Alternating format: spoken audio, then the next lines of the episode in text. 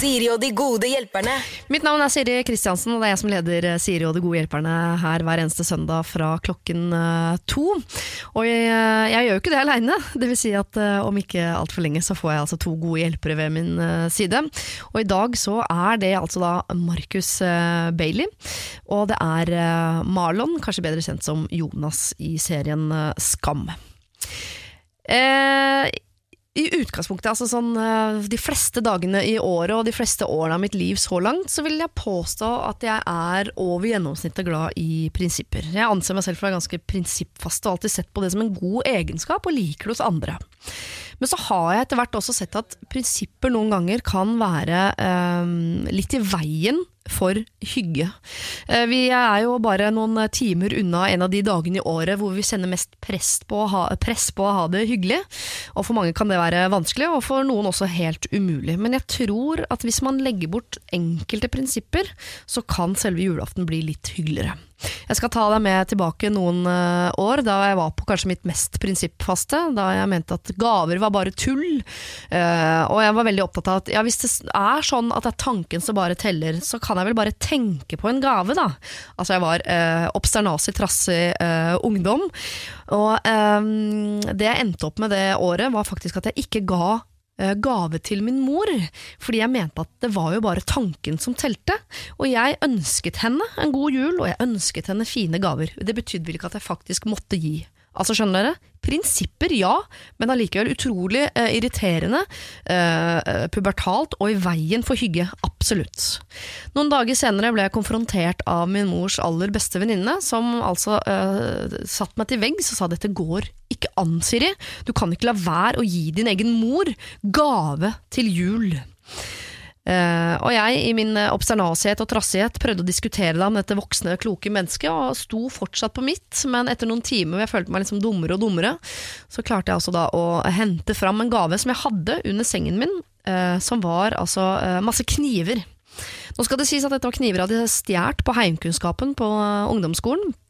Eh, som jeg mente var veldig veldig gode kniver, eh, som jeg hadde lyst til å gi til min mor. Så var det, det var mye rart på en gang. Man kan være prinsippfast på at det er tanken som teller, samtidig som man ikke er prinsippfast nok til at man stjeler fra sin egen skole. Så her var det altså eh, opprør i toppetasjen hos en eh, da 13-14 år gammel eh, jente. Jeg blir flau når jeg snakker om det, bare så du vet det. Jeg er ikke veldig stolt av det, men jeg har et poeng med det, og det er at Kanskje morgendagen er en av de dagene hvor man skal legge bort noen prinsipper. Legge bort, Kanskje det er noe du er litt irritert for, eh, noe du gjerne skulle ha tatt opp. Kanskje det er noen til stede på julaften i morgen som du egentlig er sur på for et eller annet som skjedde for en god tid tilbake. Akkurat i morgen tenker jeg at det kan være greit å legge bort eh, prinsippene. Det er ikke i morgen man skal finne ut av de store tingene. Eh, og kall det gjerne fake. Eh, Det vil jo de mest prinsippfaste noen ganger gjøre. De, no, av de mest prinsippfaste ser jo han trent på hygge som fake. Det er det ikke nødvendigvis. Bare vær litt rause i morgen med deg selv og med de rundt deg, og så sparer vi prinsippene til eh, første juledag. Eller kanskje til og med andre, hvis du har det i deg. Jeg ønsker alle en god jul, og til dere som eventuelt måtte være alene i morgen på julaften, eller være på jobb eller den slags. Eh, Så jeg vet ikke om det hjelper, men eh, selv om det føles ensomt, så er heller ikke du alene. Det er mange som har det sånn på julaften. Siri og de gode hjelperne. Mitt navn er eh, Siri Kristiansen, og straks får jeg på plass mine to gode hjelpere for dagen. Men eh, før det så tenkte jeg vi skulle rette blikket en uke tilbake i tid. Eh, Fordi For en uke siden så satt jeg nøyaktig i denne stolen, og foran meg hadde jeg Torbjørn Røe Isaksen, ministeren sjæl, og Ida Fladen. Og Vi fikk inn problem fra en annen Ida, som hadde både en kjæreste og en venninne. Denne venninnen hadde en kjæreste, og problemet med dette var at venninnen hadde vært sammen med kjæresten til Ida før, og Ida kjente litt på fortidssjalusien. Eh, Spesielt fordi kjæresten hadde en tendens til å forsvare Ida, nei, forsvare eksen i alt mulig. Og etter at eh, eksen ble sammen med en kamerat av han, så eh, kom han med en litt sånn flåste kommentar at herregud, hvor vanskelig blir ikke det, liksom? Enn når Ida var sånn, ja, men dette har jo jeg levd oppi hele veien, at uh, du er sammen med en, eller har vært sammen med en jeg kjenner. Så hun uh, var litt usikker på hvordan hun skulle eh, klare å se forbi det at venninnen hadde hatt et eh, forhold til hennes kjæreste tidligere. Dette spurte jeg Torbjørn og Ida Fladen om, om de hadde noen tanker rundt, og du skal få høre noe av det. Det første som Ida må gjøre, det er å innse at hun er sjalu på Trude. Ja. Altså Hun sier sånn Ja, dette har aldri blitt meg før, jeg er ikke sjalu, og det bryr meg egentlig ikke så mye. Jo, det gjør det. Jeg er litt sånn der, eh, ble litt satt ut, jeg, fordi at jeg har akkurat oppdaget at jeg er det som da heter fortidssjalu. Ja. Har vært veldig stolt av sånn, jeg er ikke en sjalu person. Men det, der kjente jeg meg igjen, ja. Ja. Altså akkurat, eh, akkurat der, ja. På liksom ekser og inn i livet. Jeg skjønner Ida veldig godt, jeg. Så kan ikke Ida og Trude finne et påskudd for at de to skal være sammen? Så kan de ta seg noen glass med vin, og så kan de snakke litt sånn tullete om Thor, og så kan hun liksom Ja. få inn i samtalen sånn Ja, du var jo sammen med Thor, da var han like sånn eh, Sånn og sånn da, og så kan Trude si ja, det var Og så kan de liksom bonde litt, så kan de eh, rett og slett bli kvittet på den måten. Trude og Ida kan ikke sitte og snakke om den mannen de har hatt til felles. Det vil man ikke. Jo, men kan Nei, ikke det? altså, De kan jeg- ikke jeg det sånn litt man liksom sånn, bonder litt over det. I eh, alle filmer så gjør man jo det. Der er det sånn at det som løser sånne trekantdramaer, det er at hun som kommer inn fra fortiden, hun snakker med den nye kjæresten, og så blir de enige sånn Ja, du er ikke så ille ua, du er ikke så ille allikevel. Jo da, Men på film så blir Julia Roberts sammen med eh, Hugh Grant. Altså Det er ikke saklig, liksom. De kan bare vurdere for seg helt nye venner, da. Flytte til en annen by. Ja, for her tenker jeg at uh, De tre tingene som kan fungere her, er ærlighet. Som du sier, uh, Ida. Si fra det, altså adressere sjalusien. Eh, humor må være med der, så ikke det bare blir nagging. Og tid. For på et eller annet tidspunkt så kommer du altså Det er jo det som er deilig med fortidssjalusi. Som ofte så går det over. Du må bare få en opplevelse av at ditt forhold til Thor betyr mer. At Per er viktigere for Trude enn det Thor var. Altså På et eller annet tidspunkt kommer du til et sted hvor for meg så slapp det den dagen jeg fikk barn med min mann. For er sånn, det er det ingen andre som har fått! jeg vant! Jeg betyr mest, jeg er den beste. Dette var altså noen av tankene eller rådene som Torbjørn Røe Isaksen og Ida Fladen hadde å eh, gi. Hvis du vil høre det i sin helhet, så kan du laste podkast fra forrige uke. Eh, Det har tydeligvis denne Ida gjort, for hun eh, skriver Hei, jeg hørte på podkasten i går, og da uh, hørte jeg mitt problem plutselig dukke opp helt uh, uventet. Det var veldig gøy. Jeg må vel kanskje ta meg litt sammen, men det er så klart eh, litt kjipt å vite at min venninne har vært i samme seng som min kjæreste. Men jeg kan jo ikke endre på fortida likevel. Forslaget til Torbjørn om å le og tulle litt sammen med venninnen min om at vi er sammen med samme fyr, er nok ikke en god idé for meg. Det har vi faktisk gjort før, og det gjorde bare at alt blei kleinere. Men som du sa, Siri, eh, har jeg heller pratet og fnist en del med henne om hennes nye kjæreste, og det føles mye bedre. Jeg tror det beste for meg er at eh, Trude, altså denne venninnen, og jeg later som om dette aldri har skjedd. Så kan eh, jeg, da, som Ida sa, tulle litt med min kjæreste om at jeg er litt småsjalu når han forsvarer henne. Så må jeg huske da at han dumpet henne og valgte meg, så jeg har jo egentlig ikke noe å være irritert på. Han gjør vel ikke noe feil. Så takk og god jul fra en ikke lenger så irritert Ida. God jul til deg også, Ida. Det høres det ut som du får, for allerede her syns jeg hører at det er på vei ut av fortidssjalusien. Veldig viktig å ta med seg der. Han valgte deg. Det er deg han vil være sammen med. Det må du ikke glemme. Jeg sier ikke at fortids- fortidssjalusien er borte, men jeg tror du er på vei ut av den. Hvis du har problemer, så send de for all del eh, inn.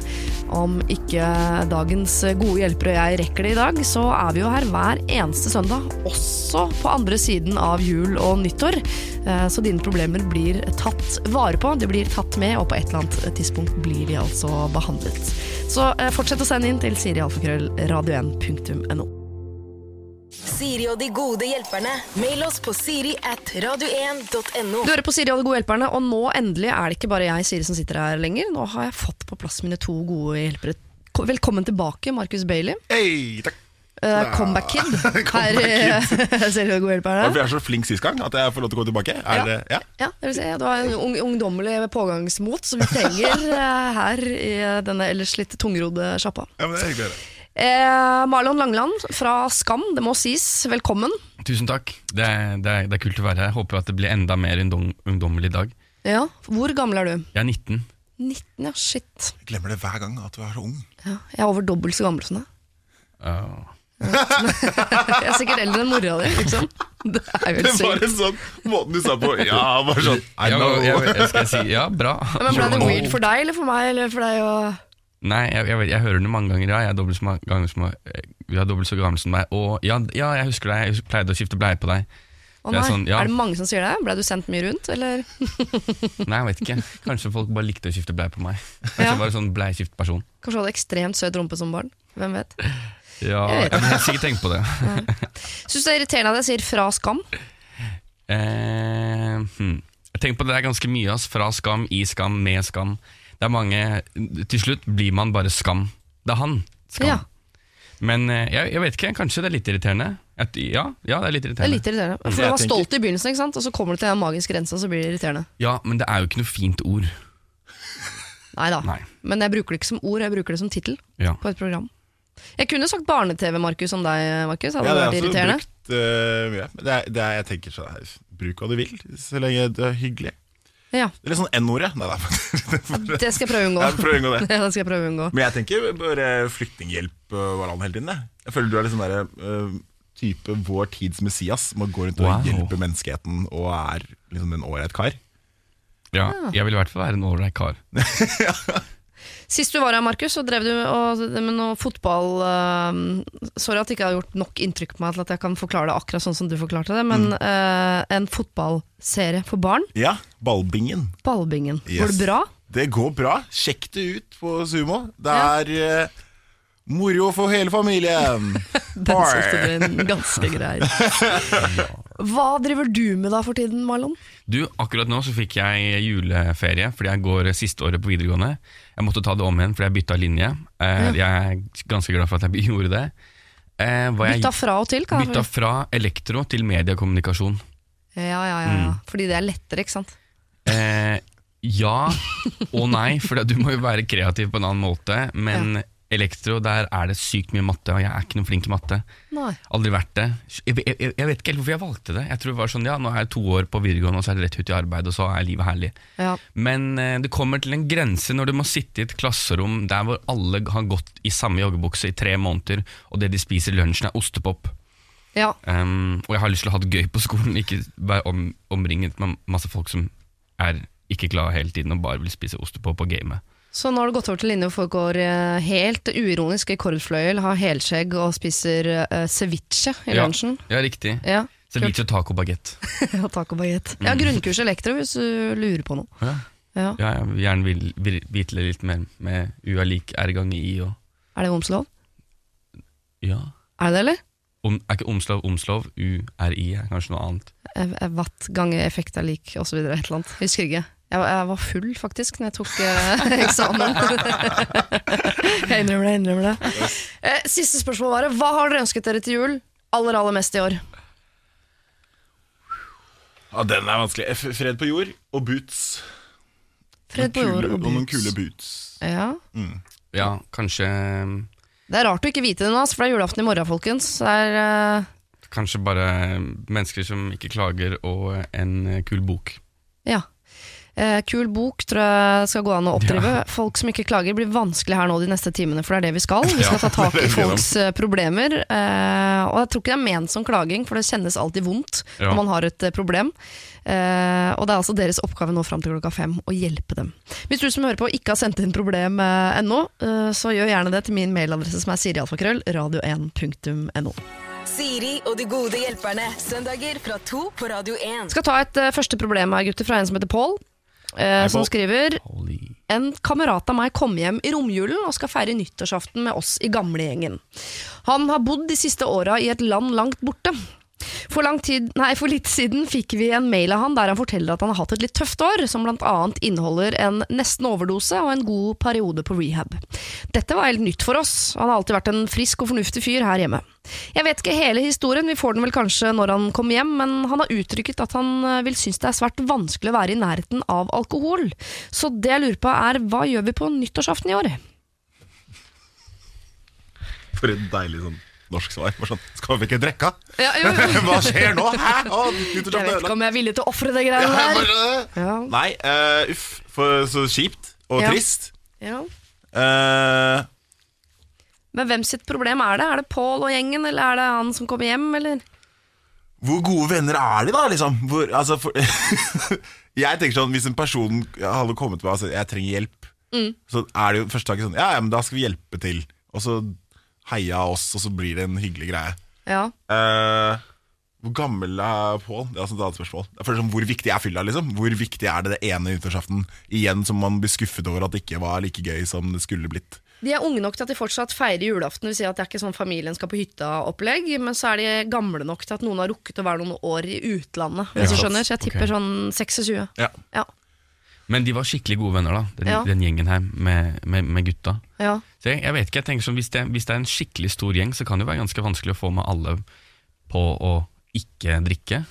ja. Fordi det, er det, det er det jeg tenker nå, at du bare at du ikke drikker. Eh, fordi eh, det ka, kanskje, de, kanskje de hjelper kjemien, ikke sant? Han skal, jo, han, skal også, han skal jo også fortelle om hele reisen sin, og fortelle om det han, har, det han har holdt på med, og da er det jo greit at man faktisk hører på hva han har å si, da. Em, det, det første som kom Det første jeg tenkte på, var at du kunne jo delt Du kunne jo delt dagen. Først ha liksom Eh, eh, helt streit, ikke noe alko, vi snakker og vi er gode venner, og nå, nå kommer det til å gå bra. Og så liksom da slår klokka tolv, og da er det fylla resten av natta, og um, han typen Ender opp på rehab igjen. Jo, men er dette et, hverandre. det er, høres ut som et fint program, men er dette et program man skal gjøre kompisen oppmerksom på forhånd? Si sånn, fram til tolv kjører vi uh, helt uh, alkofritt, og så derfra ut, så da må du gå hjem. Ja, det er også litt sånn Ja, men, ja, men, ja, men, ja, men det er litt innafor òg. Det er litt innenfor å si det er nyttårsaften, og har, han kommer jo hjem nå, og de har allerede sikkert planlagt en fest. Så ting allerede satt i spill, og så kan man være sånn eh, Shit, eh, la oss høre på problemene. Og det er sikkert fordi hvis han har vært borte i utlandet, og, de, liksom, og han har endt opp med å kjøre så hardt, da, så Ja. det sikkert gjengen kjører ganske hardt, de òg. Sikkert ganske ofte. Ja. Så da blir det litt sånn Skjønner greia di, men eh, dette kommer litt brått på. Da tar vi også Nei, Men herregud, man må jo egentlig ikke drikke, da. Kan ikke bare være en god venn. Jeg, jeg har lyst til å si det, jeg skjønner jo selv at det er vanskelig, men nå ble jeg skikkelig usikker. ja. Hva med å invitere flere folk som ikke drikker, da? Det Altså et samfunn, liksom. Grunde. ikke-drikkere. Ja. Drikker ikke, inviterer med han. Ja. Kristine Danke. Du har, ja, du har, har, har, har bare en gjeng med folk. Nilsi. Nilsi. Nilsi. Sånn, da har du en gjeng, og så har du med de, og så kan de henge. Altså Jeg hadde blitt så irritert hvis jeg ble bedt på fest fordi jeg ikke drakk. Skjønner du hva jeg mener? At det er sånn nærmest som sånn partyfetisj. Sånn, dere kan komme fordi dere har det til felles. Ja, ikke sant? Og dere skal passe på vår eks-narkomane venn. Det er for en uh, fornærmelse. Da har jeg blitt sur. Nei, men uh, jeg tenker at eh, Jeg syns det var en god idé det Marlon sa, at man tar er sånn, Ok, vi skal, vi skal sette oss ned og ha en skikkelig bra samtale. Helst egentlig før eh, nyttårsaften. Kanskje det er lurt. Ja. Eh, og så snakker vi oss ut gjennom det her. Og, og så sier man at man syns det er vanskelig at man ikke skal drikke på nyttårsaften. Ja. Det tross alt er nyttårsaften, og da skal champagne sprettes. Hvordan kan man fikse det? Skal man bytte ut all alkohol med sånn der, eh, mm -hmm. Eller, er godt, eh, eller går godt. det fint? Ja, skal alle tilrettelegge for én, eller skal han ene prøve å gjøre noe så at han blir en del av gjengen igjen?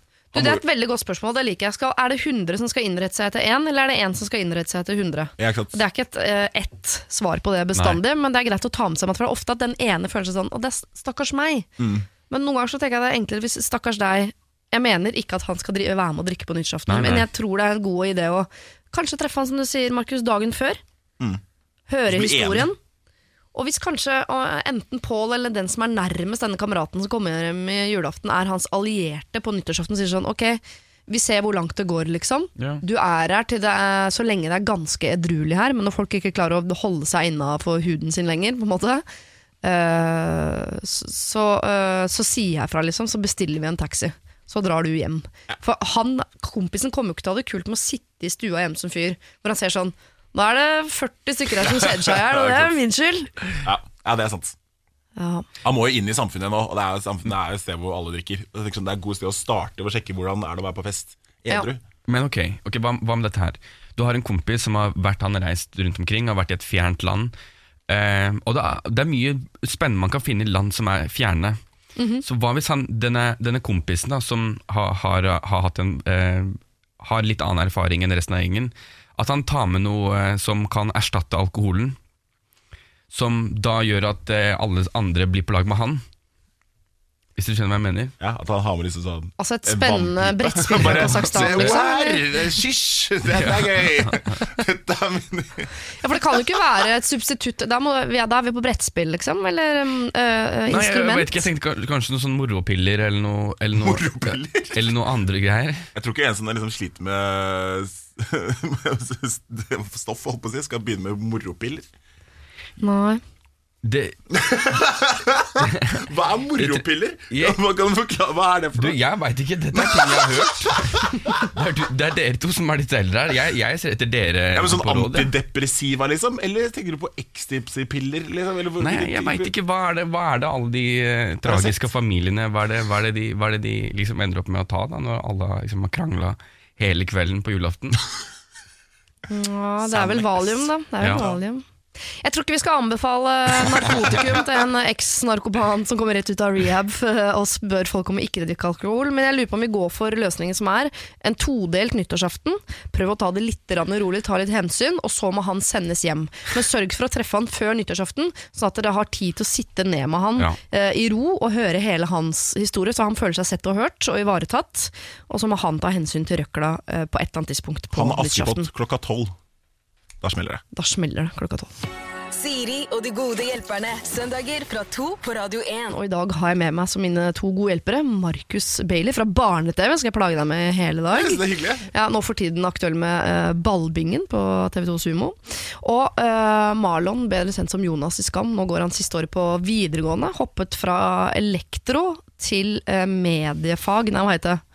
Helt riktig. Ja, ja, Vil du være kjendisskolen, er det det, linja heter? Eller hva er det dere studerer på denne media... Har du Hilde Hummelvold som lærer, er mitt spørsmål egentlig. Nei. For hun er lærer på en sånn linje. Det synes jeg er veldig fint. Men hva lærer dere? Sitter dere og ser på TV og sånn? Ja, det er jo Veldig naivt spørsmål. reportasjer og journalistiske ting og tang, og eh, leserinnlegg og eh, dramaturgi og masse greier. Så du må gjennom alt, eller kan du velge deg en eh, Ja, du, retning ja, du må egentlig gjennom alt, men så kan du velge. Og da kan du velge foran eller bak mikrofonen-aktig? Ja. Hva velger du? Eh, bak kamera. Ja, spennende. Jeg skal ikke spørre så mye mer om det. Jeg har ett spørsmål til før jeg skal lese neste problem. Det er eh, sivilstatus, dere to. Markus, Ja. sist du var her, var du singel. Mye kan ha skjedd på den tid. Ja, det kan det. Du liker jo ikke å være sammen med folk så lenge av gangen, har du sagt. Men eh, jeg er eh, For å si sånn, jeg ser etter noen å ha et nyttårskyss med. Ja. Ja. Du er eh, up for grabs klokka tolv Up for på grabs nyttårsaften. klokka 12. Ja. Åssen er det med deg, Marlon? Eh, jeg, jeg ble akkurat invitert eh, på Facebook til et arrangement sånn eh, Loners 2018. Ja. Jeg, jeg tror det er liksom et sånn eh, pekepinne på eh, hvor, hvor jeg ligger, da. Kan, kan du invitere meg på den? Ja, sure. Takk. Ja. Eh, da kan dere invitere med dere en som heter Jørgen også, for Jørgen har sendt inn et eh, problem. Og Jørgen er hans ekte navn, han trenger ikke anonymitet, står det, for alle kommer til å gjenkjenne meg i beskrivelsen i denne mailen. Oi, gøy. Eh, ikke alle, da, men alle som sender han. Jeg er en singel 23 år gammel gutt eller ung mann, kall det hva dere vil, og mitt problem er at jeg er singel. Jeg har vært singel i fire år, og nå er jeg lei. Etter noen litt fomlende forsøk på dating har jeg begynt å innse nederlaget. Eh, Samtale og kjemi er som regel ikke et problem helt i starten, men når samtalene beveger seg bort fra det overfladiske fakta og inn i materie, ja, så begynner problemene å hope seg opp. Jeg studerer nemlig teologi. Ja, jeg skal bli prest. Her uh, møter vi med en gang et veiskille, og de reaksjonene jeg har fått til nå, er enten at de deler livshistorien sin med meg, altså at jeg uh, får en slags sjelesørgerisk rolle, eller at dama friker helt ut og stikker av med en gang. Det er liksom ikke helt vanlig å date en fremtidig prest, noe som jeg jo skjønner. Jeg ser for meg at assosiasjoner til et klosterliv presser seg ganske kjapt på, selv om det ikke er tilfellet i det hele tatt. Som om ikke det var nok, er en av mine store interesser strikking. Da en heterofil mann strikker ikke er helt A4, ender jeg ofte i vennesonen, eller friendzone som det kalles, så jeg lurer på, hva er beste fremgangsmåte for ikke skremme bort det motsatte kjønn? Hva skal Jørgen, eh, fremtidig prest og hobbystrikker, gjøre for å ikke skremme bort eh, jentene, eller altså eh, presse de over i friendzone? Uh. Jeg ser at dere ler, og det er greit, for dere har ikke truffet en som Jørgen før. Nei, men dette, Jørgen For det første er Jørgen en fet fyr, fordi det at man kan strikke, det Mm. syns jeg er sykt imponerende. Eh, det har jeg lyst til å lære selv. Ok, dating, først og fremst, er jo drit. Ja. Og kjipt. Ja. Og vanskelig. Eh, han sier at han, var, han, var, eh, tre, han har vært singel i fire år, Ja. så han har hatt kjæreste før. Ja, Uh, og nå er han lei.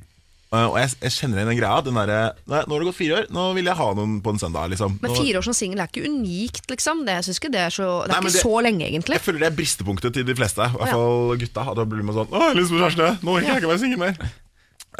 Og så um, Så ikke stress. Det er første greia. Ikke stress, for det er, det er den, den første dumme tingen man gjør. Det at han selv sier at han liksom bikker folk over i en friendzone, sier jo at han er en veldig sånn friendzone-type. Altså på en måte Det at han selv legger opp til ah, Så bare ender jeg opp i friendzone, det betyr at du ikke prøver så veldig hardt, tenker jeg.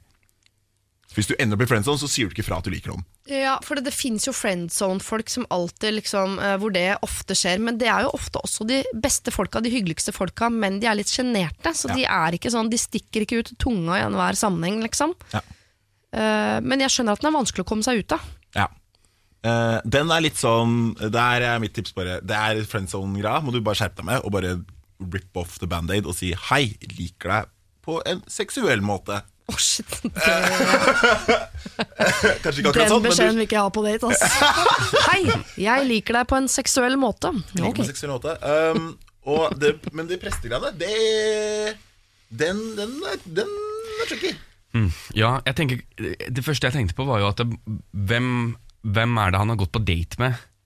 Fordi du, man, man skal bli prest, og det, det er en viktig jobb. Du skal tale foran mennesker, du skal være et forbilde, og du, skal, du representerer en, et helt hus, en hel kirke. Og de som da han har gått på date med, må tydeligvis ikke ha forstått eh, tyngden av jobben å være prest, sant? Fordi at de, eh, de, de bare de, Men de, eh, de, de tar han ikke for den han er. Men en god ting er jo at, det, sånn som han sa, at de, de bretter ut hele livshistorien sin. sant? Ja. Så de stoler jo, det er jo liksom et element av eh, De stoler jo på han her, de han vi- har møtt. sant? Og det Ja. at han klager på det, er også en rar ting av en prest Ja. å klage på. Det er liksom Det er For det jo det du hovedjobben din. Det er det du skal. Det er å hjelpe folk. Jo, men Tror du ikke det er der friendzone kommer inn i bildet? Fordi det øyeblikket jeg føler at jeg kan åpne meg helt for en mann, det er all mystikk borte. Da trenger jeg ikke, altså Det er jo hele poenget i begynnelsen. Så skal man ljuge og late som man liker fotball, og den musikken han liker, og Ja. Ikke sant? Så man, eh, men hvis man på første date føler sånn Å, der kan jeg jo si alt til, så tror jeg det fort blir litt sånn kompisaktig. Ja. Kanskje han kan bryte, bry, bryte de, et av de ti bud, da, og at han kan ljuge litt sjæl? Ja. Og, være, og, være, og være, være litt mer mystisk. Være mystisk, ja. Rett og ja. lage sånn at det er vanskeligere for jenter å åpne seg helt opp første Dette er rart råd å gi, men her lurer jeg på om det er riktig, liksom. Ja. Ja. At Har, jeg håper skal- han har sånn Tinder. Så er sånn Tinder-presten liksom. det er jo, det, er- Han er jo et program som må bli vist på TV, Ja. tenker jeg. Det er jo så interessant og gøy. Ja, En single, Jeg visste ikke at prest kan jeg, jeg har alltid tenkt at eh, nonner og prester liksom har samme greie, men det er det ikke. Prester kan ligge. prester kan gifte og ligge og Før ekteskap òg. altså, det, de, I Norge det skal kan du de jo helst Ja, men de ikke norske det. gjør det, liksom. De holder på. Ja, det. Jeg tror nok noen gjør det, men de skal jo ikke det, da. Tror du han ikke skal ligge før ekteskap? Fordi da kan jeg skjønne at mange blir sånn Jeg tror ikke jeg orker den commitmenten der. Hvis ikke du er dødskeen på å gifte deg, da Da vet du at det kommer til å skje rimelig kjapt med han fyren der. Men kan han ikke gå rundt og misjonere, da? Finne en solstråle i et eh, land fjernt unna? ja. Jeg, jeg, jeg, altså jeg, jeg, Det eneste jeg tenker på, er at han, at han har gått på date med veldig personer som ikke ser ham for den han er, og egentlig ikke, ikke verdsetter, verdsetter presten. Bare Dra ut, reis litt. Du skal, det er, eh, teologi er et vanskelig fag. Han kan sikkert, eh, han kan sikkert ganske mye. Ja, jeg, jeg tenker, og det er det som var med starten òg. Det er ikke, det er ikke han som nødvendigvis er problemet. Han må ikke stresse sånn. Bare ta det, ta det chill. Jeg skal avslutte med en ting til deg, Jørgen, som skal ta med deg. Ikke stress, det vil jeg ta med. Eh, Du har bare vært singel i fire år. Eh, Du er en kul fyr, det vil jeg eh, ta med meg. Og er, eh, du må kanskje på en eller annen måte være litt mer mystisk, kanskje uten å likevel bryte de ti bud. Og så vil jeg si en ting jeg pleier å si til folk som ikke får seg kjæreste hele tiden. Eh, Og dette her blir folk sure for noen ganger, i hvert fall de som får seg kjæreste hele tiden. Det er gjerne faktisk de kjedeligste folka som får seg kjæreste hele tiden, for de matcher med så mange. og de kan gå sammen to og to. Det er litt eh, samme om det er Per Pål eller Espen Askeladd. For det er så mange av dem, så kan sammen, de, kan sammen, de kan gå sammen to og to i gruppe hvor som helst over en lav sko. Mens folk som skal bli prester og, og driver med strikking, det er ikke så mange for deg der ute. Men den dagen du finner hun som passer til deg, så passer det så mye bedre. Det kunne ikke vært Per Pål eller Espen Askeladd, det er bare henne. Så når du treffer the one, så er det kanskje the one. Mens i mange andres tilfeller så er det hundrevis av the ones der ute. Og det er også kjærlighet, men ikke den kjærligheten du kommer til å oppleve en eller annen gang. Men fire år, det er ingenting for sånn som deg. Siri og de gode hjelperne. Anne-Marie ser tilbake på året 2002 med nostalgi, og jeg skal gjøre nesten det samme. Ikke helt tilbake til 2002, men tilbake på noen problemer som vi har hatt eh, tidligere her hos meg, hos Siri og de gode hjelperne. Fordi det er jul, så tenkte jeg nemlig å høre litt hvordan det har gått med folk som har eh, hatt juleproblemer nå i denne førjulsstria.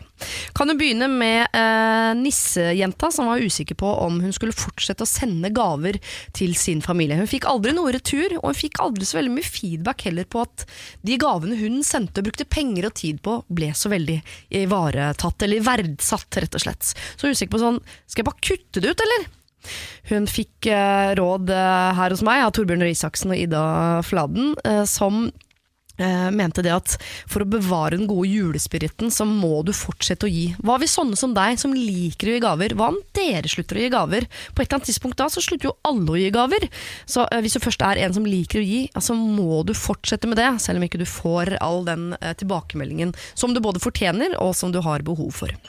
Nissejenta sendte mail, hvor hun skriver Takk for at dere tok opp mitt problem. Eh, er, eh, etter at jeg sendte mail, så kjente jeg at søren heller, noen må holde julestemninga oppe og tradisjonene ved like. Så derfor har jeg kjøpt julegaver og sendt dem til familien. Hvis vi ikke har noen tradisjoner, ville jo alle dager og år vært helt like. Jeg tenker at neste år så skal jeg følge rådet deres om å sende en julehilsen eller et julekort med en blomst. Som dere sier, så handler det jo om å gi dem oppmerksomhet og gjøre dagen litt mer spesiell enn andre dager. Vi får se hvordan mottagelsen blir neste år, og jeg skal uansett fortsette å, å gi. God jul og godt nyttår, hilsen eh, nissejenta.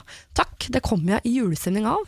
Nettopp det at du fortsetter å holde på julespiriten, selv om det ser ut til at den er i ferd med å forsvinne eh, rundt deg.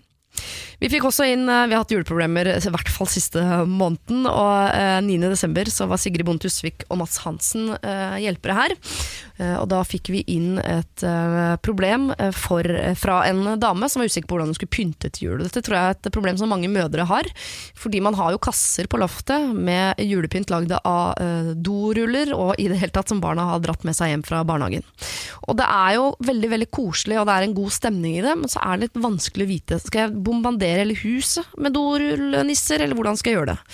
Og i hvert fall for oss som er så eh, fascistisk opptatt av interiør at alt annet er en eh, forstyrrelse, eh, så kan akkurat det der, selv om det er koselig, lugge lite grann. Eh, fått eh, en mail fra en dame som syntes det var vanskelig å vite hva hun skulle gjøre med julepynten til barna, hvor hun annet fikk et veldig veldig godt råd, som er pynt sammen med barna, og begynn med den kassa der deres julepynt er. Begynn eh, sammen med barna, pynt med deres julepynt på deres rom, og innen den julepynten både er brukt opp og barnas tålmodighet er borte, så kan du fortsette med din pynt i de andre rommene. Det er genialt! Takk for herlige råd, skriver hun. Jo da, de har sin egen pynt på rommet, men det blir sannelig ganske mye etter flere år i barnehage og på skole. Jeg har klart å nappe ut de tinga som lyser lang vei at kun er laget fordi de må. Vi har mange ting som jeg elsker, og som har sin faste plass. Til min store lykke har min datter arvet mitt syn på pynt, så flere av tingene hun har laget, ba hun selv om å få lov til å kaste i ovnen. Så nå har vi all den fine julepynten de har laget på plass i stua. Det jeg ikke setter så veldig pris på, altså rosa og blå julepynt eksempel, er på ungenes rom, og litt er på vei til gjenvinning. Tusen takk for herlig program. Eh, hilsen evig podkastlytter som ikke liker musikk. Synd du ikke liker musikk, for det skal du få eh, nå. Her får vi høre Eva Max. Dette er Sweet But Psycho. Siri og de gode hjelperne. Mail oss på siri at radio1.no. Mitt navn er eh, Siri, og dagens gode hjelpere er eh, Markus og Marlon. Og dere kjenner hverandre litt. Ja, Ja, vi gjør det. homies. Vil dere påstå- Er dere på sånn utlevere julegave home? Er dere så Kommer dere til gi hverandre julegave i år? Nei. Kanskje neste år? Nei. Nei. Liker Jeg ikke liker at hverandre det var godt så nok. brutalt. Det var ganske brutalt, liksom. Det var sånn, du bare Nei, det skjer ikke. Det er greit å være snill mot alle, men trenger ikke å gi gaver til alle. da Nei. Nei, det skal bety noe, faktisk. Ja. Jeg og Marlon skal vi har fastslå nå at vi skal alle være indre sirkel. Er det det de sier? da? Vi skal bare alltid være ring tre overfor hverandre. Sånn Bekjente og hyggelige, Ja. men ikke Ja. gode venner. Ok, det var litt trist. Jeg blir lei meg, men det var greit. Vi skal over til noe tristere, hvis det er noe trøst. Eh, det er en jente her som eh, har vært kjæreste med eh, sin kjæreste da i over to år, og de elsker hverandre. Men ting er jo selvsagt ikke som det skal, ettersom jeg skriver mail til dere. Kjæresten min har røyka litt, men salg er jeg helt imot, for det kan være skadelig for andre enn seg selv. Nå har han begynt med nettopp det. At jeg sier at jeg ikke liker det, har ikke noe å si. Har konfrontert han med det og sagt at nok er nok, men på toppen av dette så er han deprimert. Men jeg tror ikke han selv ser at bruken og salget ikke gjør dette noe særlig bedre. Jeg vil være den gode kjæresten, øh, jeg vil hjelpe, men nå vet jeg ikke lenger hva jeg skal gjøre. Så hva gjør jeg? Jeg legger rundt ballen over til dere, Markus og Marlon. Ja. Hva gjør man med en kjæreste som driver med eh, bruk og salg av narkotika, og i tillegg er deprimert. Jeg tenker hvis man, Det er ikke særlig bra. Godt observert. Punktum. Eh, ja, det, mm, hvis hun er imot det, ja. så er vel det noe man liksom skal komme seg det, Da kan man vel sette Ultimatum er jo ikke en bra ting, men det er, man kan vel si sånn Dette her går ikke. Og hvis du If you love me, stop it. ja. Og så stopper han nok. Hvis han ikke er glad nok i henne, så stopper han ikke. Og da vet du at Da gidder du ikke å waste mer tid på det. Vil du være sammen med en fyr som er mer glad i pipa enn deg? Ikke sant? Det er mitt spørsmål. Eh, Jeg er jo ikke så glad i ultimatumer eh, selv, men det kan hende det er eh, måten å gjøre det på her. Ja. Hva ser du for deg at du ville gjort, Marlon? Mm, jeg tenker at et ultimatum hadde funka bra. Kanskje hvis du virkelig har liksom Hvis hun virkelig har lyst på en endring, så kan hun jo eh, ta han med eh, bort fra dette her, på fjellet, eller bare dra vekk. Em, så han liksom mister muligheten til å gjøre det en liten periode, og så skjønner han kanskje hva, hva det går ut på. da At kjærligheten mellom han og kjæresten kanskje er mye større enn det selgingen hans. Eh, men så uh, hun sa at han var depressiv også, så det, det forvansker jo ting ganske mye. Eh, men når hun, hun, hun, hun skriver at, det, at eh, hun Når hun sier at hun ikke syns noe om det, at det ikke har noe innvirkning på han, så, og hun syns bruk er ok, men salg fordi det kan jo skade flere mennesker, så kan du jo faktisk vise han hva, hva, hva slags skade det gjør med folk. da Ja, Vise han den Vise han delen av verden. da. Ikke sant? Ja. Vise han verden. Hvem, hvem, er det som, eh, hvem er det som liksom sliter med at det, det er eh, Hvem er det som faktisk tjener på at man, man selger narkotika, og hva er det som hva er det som går gærent, og hvor mye smugling og hvor mye menneskebruk og tvangsarbeid og, og, og, og eh, ting er det, kjipe ting som er det som kommer ut av dette her. Foreslår du en slags fieldtrip til Colombia? Er det det Synes jeg begynne hører? med å se på Narcos på Netflix, og så Det er enklere og billigere, ja. Det er enklere og billigere. og, så, eh, og så dra til Colombia. The problem start. Ja, eller i hvert fall bare få han ut av tåka liksom, på en slags måte. Men da må du gjøre noe, du må, liksom, du må blåse den vekk da, på en måte. Da Men du tenker at du må gjøre noe, noe hardt. Jeg liker veldig godt at du sier det, fordi eh, det er jo to veier å gå. Enten så kan hun gå fra han og tenke Mm. sånn, det der blir ikke jeg med på. Ultimatumveien, det der blir ikke jeg med på. Da sender hun jo han antageligvis ned en vei hvor det kommer ikke til å gå bra med han. Og det liker man jo ikke. Hun er jo glad i fyren, vil ikke se at det skal gå så dårlig med han. Men jeg tror hvis hun velger andre veien, som er å hjelpe han, så tror jeg ikke hun klarer å hjelpe han ved å bare fortsette at de er i, i den leiligheten og i den vennegjengen og i det miljøet og sier sånn 'Ikke gjør det, jeg liker det ikke, jeg kommer til å gå fra deg', sa Uh, Og så bare tralter dagene av gårde og er helt like. Så jeg tror enten må du røske opp med rota og gjøre noe Ja. helt sånn insane, uh, eller, så, eller så må du gå fra han. Det er de to. Og hun sier jo at hun vil være den gode kjæresten og hjelpe. Og kanskje det å hjelpe er å uh, via Narcos til Colombia. Ja. At det er det som er liksom veien for disse to. Ja. Men med tvang, for han kommer jo ikke til å si ja til det. Han kommer jo ikke til å synes at det er kult. Skal hun tvinge han da? Er det det som kalles eh, tough love? Ja. Jeg merker jeg bruker mye han, engelsk i gjør dag det. fordi dere er så unge. Ja, Word, ass. ikke, ikke få meg ut på den glattisen der. Det høres ikke bra ut. Det høres ikke bra ut. Nei, men eh, jeg er helt, eh, det er klart det. Hvis du eh, Erna eh, var jo nylig ganske flink på det spørsmålet holdt på å si, når det kom til narkotika. Ja, Men nei, jeg vil ikke. Og brutal når det kom til legalisering av marihuana. Ja. Og da kan du være akkurat som Erna, bare si nei. Jeg vil ikke det her. Finn din indre jern-Erna. Jern. Sett på Narcos og bestill flybilletter til Colombia og røsk opp. Og Hvis hun ikke klarer å hjelpe han på et eller annet tidspunkt før det blir selvdestruktivt, så må hun jo la noen andre hjelpe han på en eller annen måte. Ja. Ja. Da kan du bli med den der nyttårsgjengen. Ikke sant? Sånn har man kompisen. Da kan de linke opp, snakke om problemer og ting, og så kan de ha gøy edrufest sammen. Vi må booke eh, Spektrum snart, fordi vi er i ferd med å fylle det med folk som trenger en litt alternativ feiring. Eh, Lykke til til deg. Jeg håper at dere finner ut av det. Du må i hvert fall finne ut av hva du ønsker å gjøre med dette. her. Stille et ultimatum, se om det hjelper. Eller sette på Narcos, se om det hjelper. Eh, ta det videre. Her tror vi du må sette litt sånn hardt mot hardt i en eller annen retning. Enten i retningen ultimatum, eller i retningen røske opp med rota og dra hele veien til Colombia og vise han verden, få han ut av tåka osv. Håper det går bra med deg, og håper det går bra med han. Siri og de gode hjelperne. Thank you next eh, synger hun eh, Ariana Grande, eller Ariana Grande, som han antageligvis skal si. Dette har jeg snakket med eh, Marlon, Marlon og Markus om tidligere i, i dag, dagens gode hjelpere. At det noen gang har føltes litt pretensiøst å uttale ting på den måten det skal uttales. Er dere enige? Yeah, just live your life, you know. Nå var du Britt, jeg så for meg at du var sånn fyr som snakket veldig sånn amerikansk, og som antageligvis sier Ariana Grande.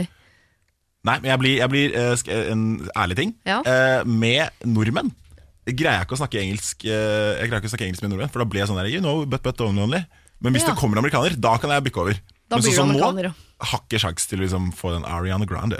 Det får, får den ikke ut. For det er litt flaut. Ja, det er dritflaut! Jeg tror jeg skulle klart det, liksom. Inni hodet mitt hører jeg perfekt amerikansk uttale på Ja. det meste, men ut blir for flaut. Men det er fordi det er nordmenn i, i bygget. Jeg lå- hvis du drar til California nå, Ja. så greier du det med en gang. ja. Men det er noe med at når andre nordmenn er her, så blir man bare sånn But you know you got to be jovial sometimes. It's just the way it is. Det går, det går ikke an å bare være amerikaner. Det er helt, og, det, og det er ingenting som er verre enn folk som går rundt og liksom bare switcher helt om. Ja. Så går som bare oh, I'm just wondering if we could go down to the 7-Eleven. Og bare, Nei, nei, det er ikke sånn du prater. Nei. Go down to the 7-Eleven og sånn er det. Har jo sett noen intervjuer på Senkveld med Stian Blipp og eh, folk fra andre land innimellom. Han er jo grådig god i engelsk, da, den gutten, men det, jeg, jeg blir flau. Ja, ja, nå, det er vondt. Det er vondt. Marlon velger å ikke si noe der, og det er veldig profesjonelt av deg, Marlon. Eh, du må derimot uttale deg eh, på dette problemet som jeg nå skal lese. Eh, jeg er en jente på 20 år, kall meg Eva. Jeg har en kjæreste som jeg har vært sammen med i nesten fire år. Han er 21, la oss kalle han Oliver. Oliver Eva, altså.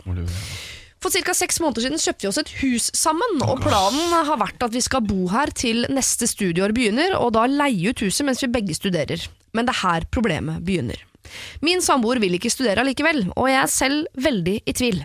Han har fått tilbud om en god stilling i en butikk, som han kan få øh, videre jobb innenfor samme kjede. Dette er en jobb jeg vet han vil ha, og den er i nærheten av hjemmet, så han kan bli boende.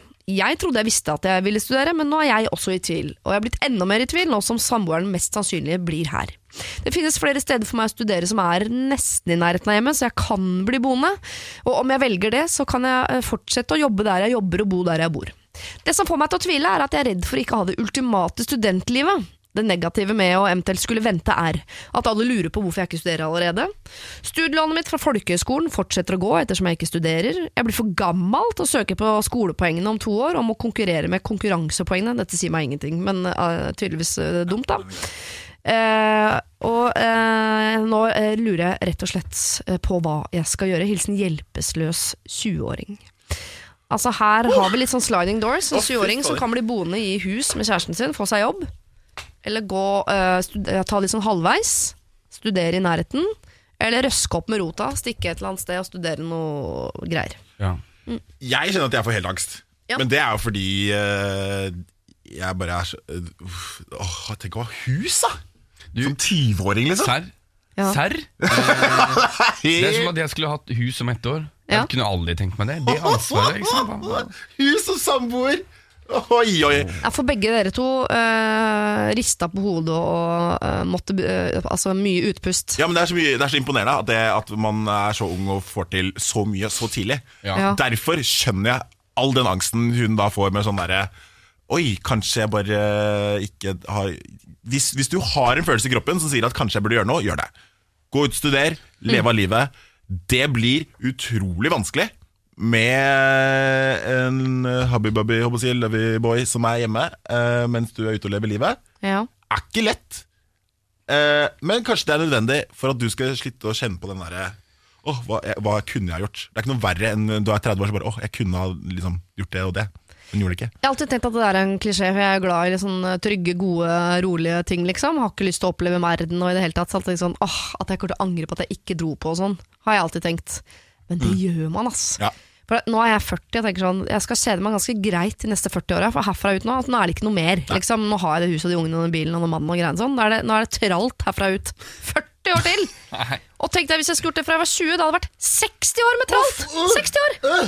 Nei, det tror jeg ikke er så lurt. Nei, jeg tenker hvis hun har lyst til å leve det ultimate eh, studentliv med liksom yum-yum-nudler annenhver dag og knekkebrød Nei, Har liksom noen andre svette sokker inn, på knekkebrødene dine inni det kleine skapet, og bo med masse mennesker som ikke rydder opp etter seg, som har katt, og det er kattehår overalt. Gjør det. Ja. Ferdig. Selg huset. Selv huset. Gjør det, selg huset, studer, fiks det der lånet ditt, og hvis du føler, hvis du tenker 'jeg kunne ha gjort det, jeg burde gjøre det', ja, men hva hvis det, hva hvis det? Gå, test, test, eh, test, eh, test studie, studie, funker det ikke, så ikke gjør det. For hun er jo i en situasjon hvor hun har det jo ganske stabilt og greit, så hun kan jo Ja. gå og studere, og så komme tilbake igjen til uh, Oliver. Ja. Ja, Oliver Twist. Uh, og bare det, det, det, Sånn gikk det. Nå er jeg tilbake igjen. Og til og med hvis hun trenger en fornuftig grunn, som ikke bare er sånn stikk og lev livet, liksom, så er det sånn å leie ut et hus, god inntekt. Ja. Oliver kan bo på en billig hybel sammen med kompis et, eller annet sted, mens du stikker til Tromsø og studerer. Og så har dere morsomt liv og gleder dere til å se hverandre i helgene, alt mulig sånn, mens huset bare står og genererer Ja, ja, penger. ja. Genererer penger, så Når du flytter tilbake dit, så kan du, så kan puste opp fra første til fjerde etasje om du vil. Med en utdannelse i sekken, og du har levd livet. Og så vet ikke jeg hva som skjer mens du studerer i Tromsø. Kanskje du blir dødsforelska i en ø, 60 år gammel dame. Jeg aner ikke.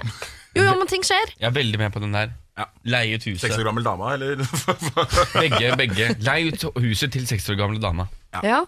altså, er det noe, og så føler jeg litt at eh, bestemoren min fra USA snakker Men den der utdanning, utdanning, utdanning. ja. Få deg den utdanningen. Det er, det er noe ved det, altså. Gjør det. Det er alltid lurt. Men Oliver skal ta den jobben Ja. og bli boende i nærheten og jobbe seg opp i det firmaet. ikke sant? Sånn at han kan bli butikksjef. Altså, De to rikeste gutta i byen der jeg bor nå, de har jobbet seg oppover i Kiwi-næringen. Ikke sant? Imponerende greier. De kjører fetest bil i bygda fordi de har jobbet seg oppover i Kiwi-næringen. Ja, men da kan hun dumt. ha studert ved siden av og gjøre andre gøye ting. Ja, det er sant. Men uh, Oliver har ikke sendt inn mail, så han gidder vi ikke å hjelpe. Det har derimot du, Eva, gjort, og vi syns at du skal leie ut huset. Dra til en stor by et eller annet sted, i Norge eller utlandet. Studer. Er det feil? Huset står jo der. Tre måneders oppsigelsestid på utleie. Så flytter dere bare hjem igjen. Ut og leve av livet. Siri og de gode hjelperne. Ina Wroldsen og hennes eh, Strongest eh, hørte vi der. En eh, låt jeg tror vi vil for alltid forbinde med året 2018.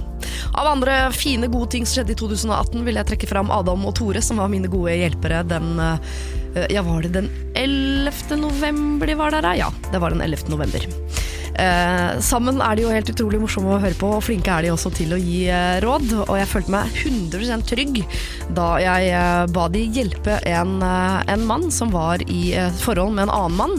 Men til tross for at han elsket denne mannen, så drev han allikevel og surra rundt med en tredje mann. Som han eh, ja, rett og slett hadde et forhold til. Og det virket ikke som han hadde sånne enorme moralske kvaler med det. Eh, men han spurte allikevel Adam og Tore eh, hva, han, hva de mente at han skulle gjøre med denne elskeren, og hva han skulle gjøre med denne kjæresten han jo faktisk hadde. Eh, Adam og Tore hadde mye å mene om dette, og du skal få høre noe av det. Eh, Det der med å forelske seg, det er jo testen i forhold hele tiden. Fordi man møter nye mennesker hele tiden. Kjærlighet og kjæresteforhold handler ikke om å være nyforelska hver eneste dag. Så, så jeg vil jo si at det beste du gjør, er jo å dumpe eh, den kjæresten du er sammen med, fordi han fortjener bedre. Det er det dette handler om. Ja. Du har eh, andre ting du kan gå ut med, men det at man skal drive og bedra folk, syns jeg er forferdelig eh, urettferdig og en utrolig vond greie for de. Ja. Og da er det bedre at de helt uten å vite noe sier dette, dette funker ikke for meg. Du klarer ikke å slå deg til ro der, og det å være glad i noen, det er ikke grunn god nok til å såre dem. Syns jeg. Først, så Jeg skal være kort prosess her og si at jeg er ganske enig med Tore. At eh, her bør du jo bare enten altså Nei, du bør gå hjem og gjøre det slutt. Det er klart at den, der, den nye spenningen er jo alltid gøyere. Det er det det er. sånn at Hvis du fortsetter på denne greia her nå, så kommer du til å bli sammen med én person, og så kommer du til å finne en annen på en fest som er kjempesjarmerende. For det er jo det vi venner oss til når vi driver av sex med nye mennesker hele tiden. Ja. At sex er, er lik eh, spenning. Og, og det er, er det ikke. Så enten så er du et menneske som ønsker å være i forhold, så er du ikke det. Og der syns jeg det er veldig viktig at du er åpen på det, sånn at du kan finne en annen person som er enig i at det skal være eh, være åpne og, og kunne ha andre Så dere er helt enige om at uh, dere ikke skal si noen ting om Markus til Stian? Jeg tenker, Må han si noe i det hele tatt? Han må jo gjøre det slutt. Det er jo greit, ikke bare plutselig forsvinne og aldri komme tilbake igjen. på en måte Nei, Jeg tenkte Han trenger ikke si noe i det hele tatt. Han kan bare fortsette sånn. Fortsette å leve dobbeltliv? Ja, går han det går, folk driver jo med det. De gjør jo det. de gjør det. Ja. Jeg syns det er veldig respektløst. Nei, stakkars Stian. Ta også eh, be Dump Stian, ikke si noe. Nei. Og så får du heller bare finne en annen. Neste gang så får du gå inn i et forhold Så får du si dette er det jeg ønsker, tydeligvis. Og så håper dere at Markus gjør det samme mot Jakob, ikke sant? Ja. så han får smake sin egen medisin. Ser ser det deres. Det hadde jo vært Ja, altså litt bitter er det lov å være. Og så håper jeg at jeg stikker på byen en dag og møter Stian. Det hadde vært koselig. Ja, Stian høres ut som en hyggelig fyr. Ja. Det er noen av eh, de tingene Adam og Tore mente om, eh, om hvorvidt du kan ha en elsker og en kjæreste. Hvis du vil høre det i sin helhet, så må du laste ned podkast altså fra den 11. november. Fått en mail fra denne mannen som eh, takker for at vi tok opp eh, problemet. Eh, Rådene deres fikk meg til å tenke, men jeg gjorde nok litt det motsatte av det dere tipset meg om. Jeg kuttet kontakten med gutten jeg møtte på si, og har tatt kontakt med en psykolog for å prøve å bli klokere på hvorfor jeg gjør som jeg gjør, og for å få tips til hvordan jeg kan unngå å gjøre lignende ting i fremtiden. Uansett, jeg må skjerpe meg, og jeg elsker kjæresten min nok til å vite at jeg aldri skal gjøre noe slikt mot han igjen. Jeg er så heldig med den kjæresten jeg har. Kanskje skulle det dessverre et stort feilgrep til for å forstå at det jeg har, er så bra. Tusen takk for hjelpen. Jeg skal bruke julen til å være en god kjæreste for kjæresten min. Ønsker dere en god jul. Hatt mange utrops, utroskapsproblemer opp igjennom, og det er faktisk en del av de som mener at ved utroskap uh, som ikke betyr noe for deg, så skal man ikke belemre kjæresten med det. Jeg vet om flere gode hjelpere som har sagt at dersom min kjæreste skulle funnet på å være utro, så vil jeg ikke vite det. Hvorfor skal det ødelegge mitt liv? Der vet jeg at folk er veldig delt. Du har også de som er steile på den andre kanten, som mener at selvfølgelig skal jeg vite det alle andre vet. Jeg må vite alt om min kjæreste, og jeg må kunne ta det valget. Så øh, jeg skal ikke legge meg i den ene eller den andre leiren, fordi så vidt jeg vet, har jeg ikke opplevd dette ennå. Så jeg syns det er vanskelig å vite hvordan jeg eventuelt ville reagert øh, hvis jeg fikk vite noe jeg skulle ha visst for lenge siden. Prøv å holde dere unna, da, folkens. Det aller letteste for alle er jo hvis man bare lar det være. Fristelsene er mange, konfektboksen er stor. Eh, Men noen ganger må man bare forflytte seg til et annet rom. Ikke stå, Hvis du veit at du er sak for konfekt, så må du ikke være i selve konfektrommet. Da må du gå ut i dagligstua eller et annet sted i, i huset hvor eh, fristelsene ikke er så store. Alt dette er metaforer, men det kan også brukes helt praktisk. Utroskap og sjokolade er jo nesten to sider av samme sak. Mulig jeg er, eh, har hodet litt for langt dyppa ned i ribbefettet akkurat nå, så jeg ikke tenker klart, men jeg vil påstå at det er eh, nokså korrekt. Jeg ønsker deg fortsatt en gledelig jul der du måtte befinne deg. Og vi skal høre Astrid S med ikke en julelåt, men jeg syns allikevel den passer. Dette er Emotions. Siri og de gode hjelperne. Jeg har et problem som jeg syns rett og slett er veldig kinkig. A. Fordi jeg ikke vil være et rasshøl. B. Fordi jeg er en tier på konfliktskyhetsskalaen. Er dere kjent med konfliktskyhetsskalaen? Ja. Markus er det, er du Marlon? Nei. Det vil si at Hvis du er tier på konfliktskyhetsskalaen, så skyr du Du tar aldri konflikter. Du okay. tør ikke å ta opp noen ting. Og er du en en? ener, så er du Gaute Grøtta Grav. Altså, du elsker det. på en måte. Ok. Here we go. Jeg og venninna mi synger i kor, og det har vi gjort et par år. Dette gjør vi et par kvelder i uka, vi elsker det begge to. Både det sosiale og selve synginga. Problemet er at venninna mi er totalt tonedøv og synger altså så falskt, ja nærmest som ei skjære. I starten tenkte jeg at dette er vel ikke så farlig, og vi gjør det først og fremst fordi det er gøy, men nå merker jeg at de andre i koret har begynt å gi uttrykk for at de ikke syns at venninnen min er noe særlig tess, tess når det kommer til synging. De har begynt å snikekskludere henne mer og mer. Og øh, det være seg på chatgrupper, øl og middager hvor jeg er invitert, men ikke henne. Og jeg tror ærlig talt det er fordi de vil at hun skal føle seg ukomfortabel og slutte i koret. Så hva skal jeg gjøre, da? Jeg syns jo helt ærlig at hun synger sinnssykt surt sjøl, men jeg vil jo ikke såre henne på noe som helst måte. Samtidig som jeg lurer på hvor selvinnsikten hennes har tatt veien. God jul! Hilsen Pia. Wow. Er det, det, Wow. er det, Fins det Mean Girls i kor? Det er kanskje det sykeste. Det er der de fins. Det er gøy. Hva, hva, hvor var det hun var på eh, konfliktskyskalaen? Ti. Hun var på tieren? Ja. Ok, jeg, ba, jeg kan bare si sånn at jeg, jeg, har, jeg har sunget i kor. Jeg sang i kor fra første til sjette klasse på barneskolen. Mhm. Og det var veldig lett å høre hvem som, eh, hvem som syngte, eh, sang surt. Og det var jævlig irriterende. Jeg husker det faktisk til den dag i dag. At det, det, det var jævlig irriterende. Um, For Kan det ikke forplante seg òg? Fordi jeg, eh, jeg sliter med å synge sammen med folk, for jeg kopierer det de gjør. og så blir Så hvis noen synger, Når jeg synger nattasanger for dattera mi, hun begynner å synge, så begynner jeg å synge sånn som henne. Og da mister jo alt melodi. Nei. Og å, herregud, for et dilemma. så jævlig Ok, hva var det hun sa? Hun ville ikke være et rasshøl, og og så kan hun ikke ta Og så kan hun ikke Hun kan ikke drive med konflikter. Ok, bare, bare hør på liksom alt det kjipe som skjer nå for at hun ikke tør å gjøre noe. De snikekskluderer henne, de baksnakker henne. Alle vet at hun ikke kan synge, men hun fortsetter å synge. Sikkert, Hva, hva med en person som leder dette koret? Ja. personen vet, vet så klart at eh, hun ikke kan synge.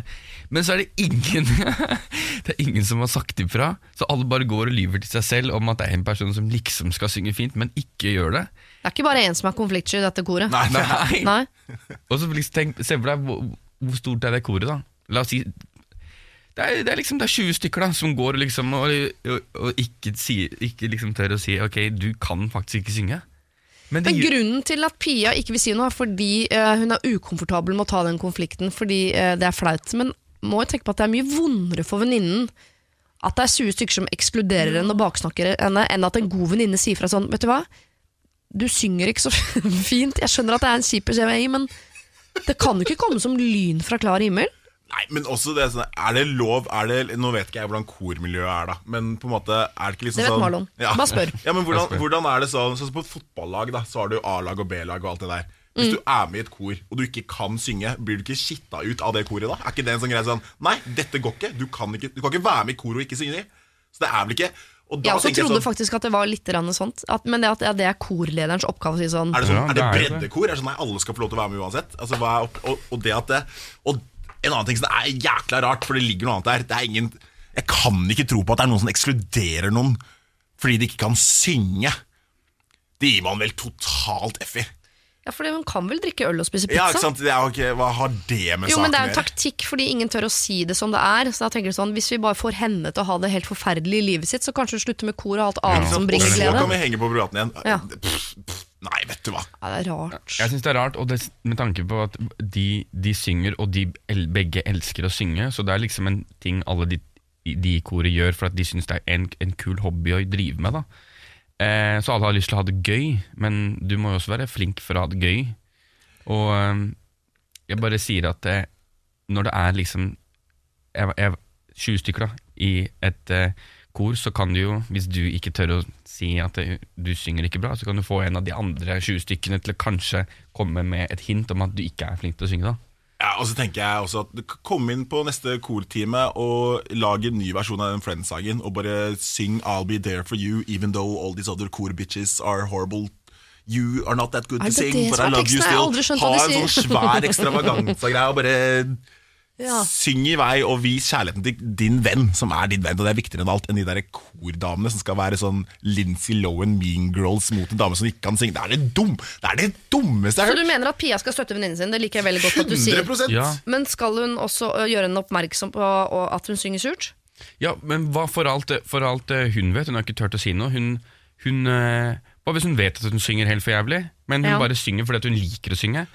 Jeg syns livsløgnen på den syng syngegreia er bedre, og at hun heller tror at hun er litt flink til å synge. Altså for alle være satt. For den, den å få vite at du ikke er så god til å synge, er vond, altså. Hvis du Ja. tror at du er flink. Ja, men livet er hardt, mann. Verden, er urettferdig. Kan du ikke synge, så kan du ikke synge. Skal de gi henne en solistopptreden, for eksempel, sånn at hun hører det selv og ser hvordan uh, rad etter rad i kirken bare tømmes?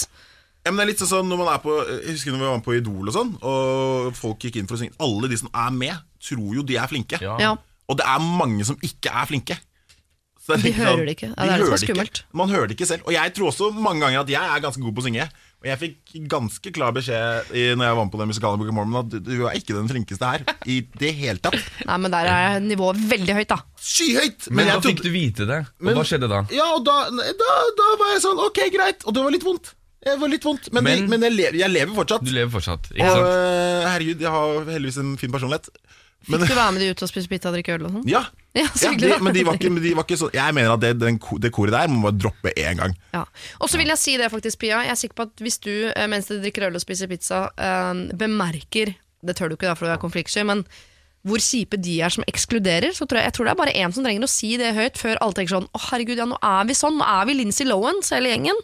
Og da tror jeg de også går til å se hvor teite de er. Og la altså den jenta få lov til å enten være med i koret, i og med at øh, hun syns det er gøy, eller så må dere få korlederen til å gi beskjed om at du synger ikke så fint, så jeg, jeg legger deg bare på midtpartiene, eller et eller annet. Det må jo finnes en løsning her. Et eller annet klarer hun å synge. Sant? Ja, du kan synge Ane. Mm. Pia, vær en god uh, venninne. Du trenger ikke å gå inn i konflikt med venninnen din, men du må sørge for at hun ikke blir ekskludert. Hvis ikke så er du en dårlig venninne. Da er du det rasshølet du ikke har lyst til å være. Vær heller uh, Kar deg ned på åtteren på konfliktskalaen. Da er det mye lettere å ikke være rasshøl. Det er færre rasshøl der, for å være helt ærlig. Rasshølene finner du stort sett på ni og ti, og på én og to. Vi imellom der, vi klarer oss helt fint.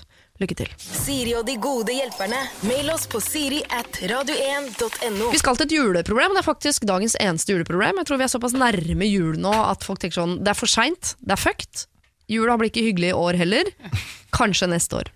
Eh, men her kommer altså dagens eh, juleproblem. Jeg er tante, en meget ung tante. Jeg er bare 21 år eh, gammel, men jeg har en storesøster som har fått barn. Vi skal alle feire jul sammen i år, hjemme hos mor og far. Jeg som yngstemann i flokken har alltid vært litt sånn ja, jeg ligger på sofaen, pysjen, Uh, mamma må mase for at jeg skal dekke på bordet. Ja, jeg er litt drittunge, rett og slett. Men jeg tenker at jeg er barn til jeg får barn. I år for første gang kommer det jo barn som er yngre enn meg. Det kommer en toåring. Og mamma har bedt meg oppføre meg litt mer voksent. Hun vil at jeg ikke skal gå i pysj til klokka fire. Hun vil ikke at jeg skal se så mye TV eller spise snop hele dagen. Hun sier at det er på tide at jeg blir voksen. Må jeg det, da? spør Marlene. Oi. Er det på tide at Marlene blir voksen? Hva tenker du, Marlon? Um, 21? Det er ikke så langt unna, da. Nei. Jeg har aldri likt å ligge på sofaen i pysj. Jeg syns det er eh, Det er stygt. Du må ta deg godt ut foran folk. Er det sånn hjemme? ja, eller generelt. Men, eh, men eh, hvem, er skal, hvem er det hun skal skjerpe seg for? En toåring? De vil, bryr seg jo ikke hvordan du ser ut. Nei, det er det jeg synes er rart. Den toåringen har ikke noe behov Men- for at tante Malene skal pynte seg på Ja, sofaen. hva, hva er greia med det? Men også ehm, Hvem har sagt at det skal være sykt koselig på jula, når det er julaften? Jesus tror jeg sa det i sin tid. Han, han sa det, ikke sant? Du skal lete ganske lenge da til du finner en familie som faktisk lever i harmoni og har det sykt kult på julaften. Ja. Fordi at når du virkelig, virkelig tenker over det, hvor, liksom, hvor lenge skal du liksom bo med en person før dere liksom eh, Før du irriterer deg over nesten enhver ting personen sier. Tre Ja. dager. Ja, tre dager, tre dager. Og julaften, når alle er samlet her, liksom, og du, du, du digger å ligge på sofaen og ha på pysj, og så kommer søsteren din som har fått barn, og hun er sikkert mann, og de har hus og, og båt, og herregud, de har mista gleden i livet sitt. Jeg bare sier at det, det- ikke vær så, ikke vær så bekymra, liksom. Du trenger ikke å trenger ikke å, å være voksen, eller Jeg så sier du at du er enig i at hun, at hun burde få lov til å sitte i pysj og ikke skjerpe seg. Jeg bare sier at hun ikke trenger å, å, å føle på at hun må det. Men Nei. det er greit å høre på moren sin innimellom. Og liksom, det er én dag du kan ta på deg en pen skjorte. Jeg, ja, jeg tenker litt sånn at eh, jeg, eh, jeg har fått, jeg ble ringt i forgårs av min mor, som sa Nå nærmer det seg julaften her. Hva er planen din? Ja. Eh, hvor jeg var Er du sånn, invitert hjem til jul? Ja, for hun er sånn det er bra. Og så bare sånn, ja, hva skjer? Du skal, jeg, jeg må, Ja. være her lille julaften, julaften og første juledag minst. Ok. Da skal du sove over, da skal du ha julesokk, og da skal du se på Disney-filmer. Ja. Jeg tror mamma får en sånn derre Nå skal du være barnet mitt igjen.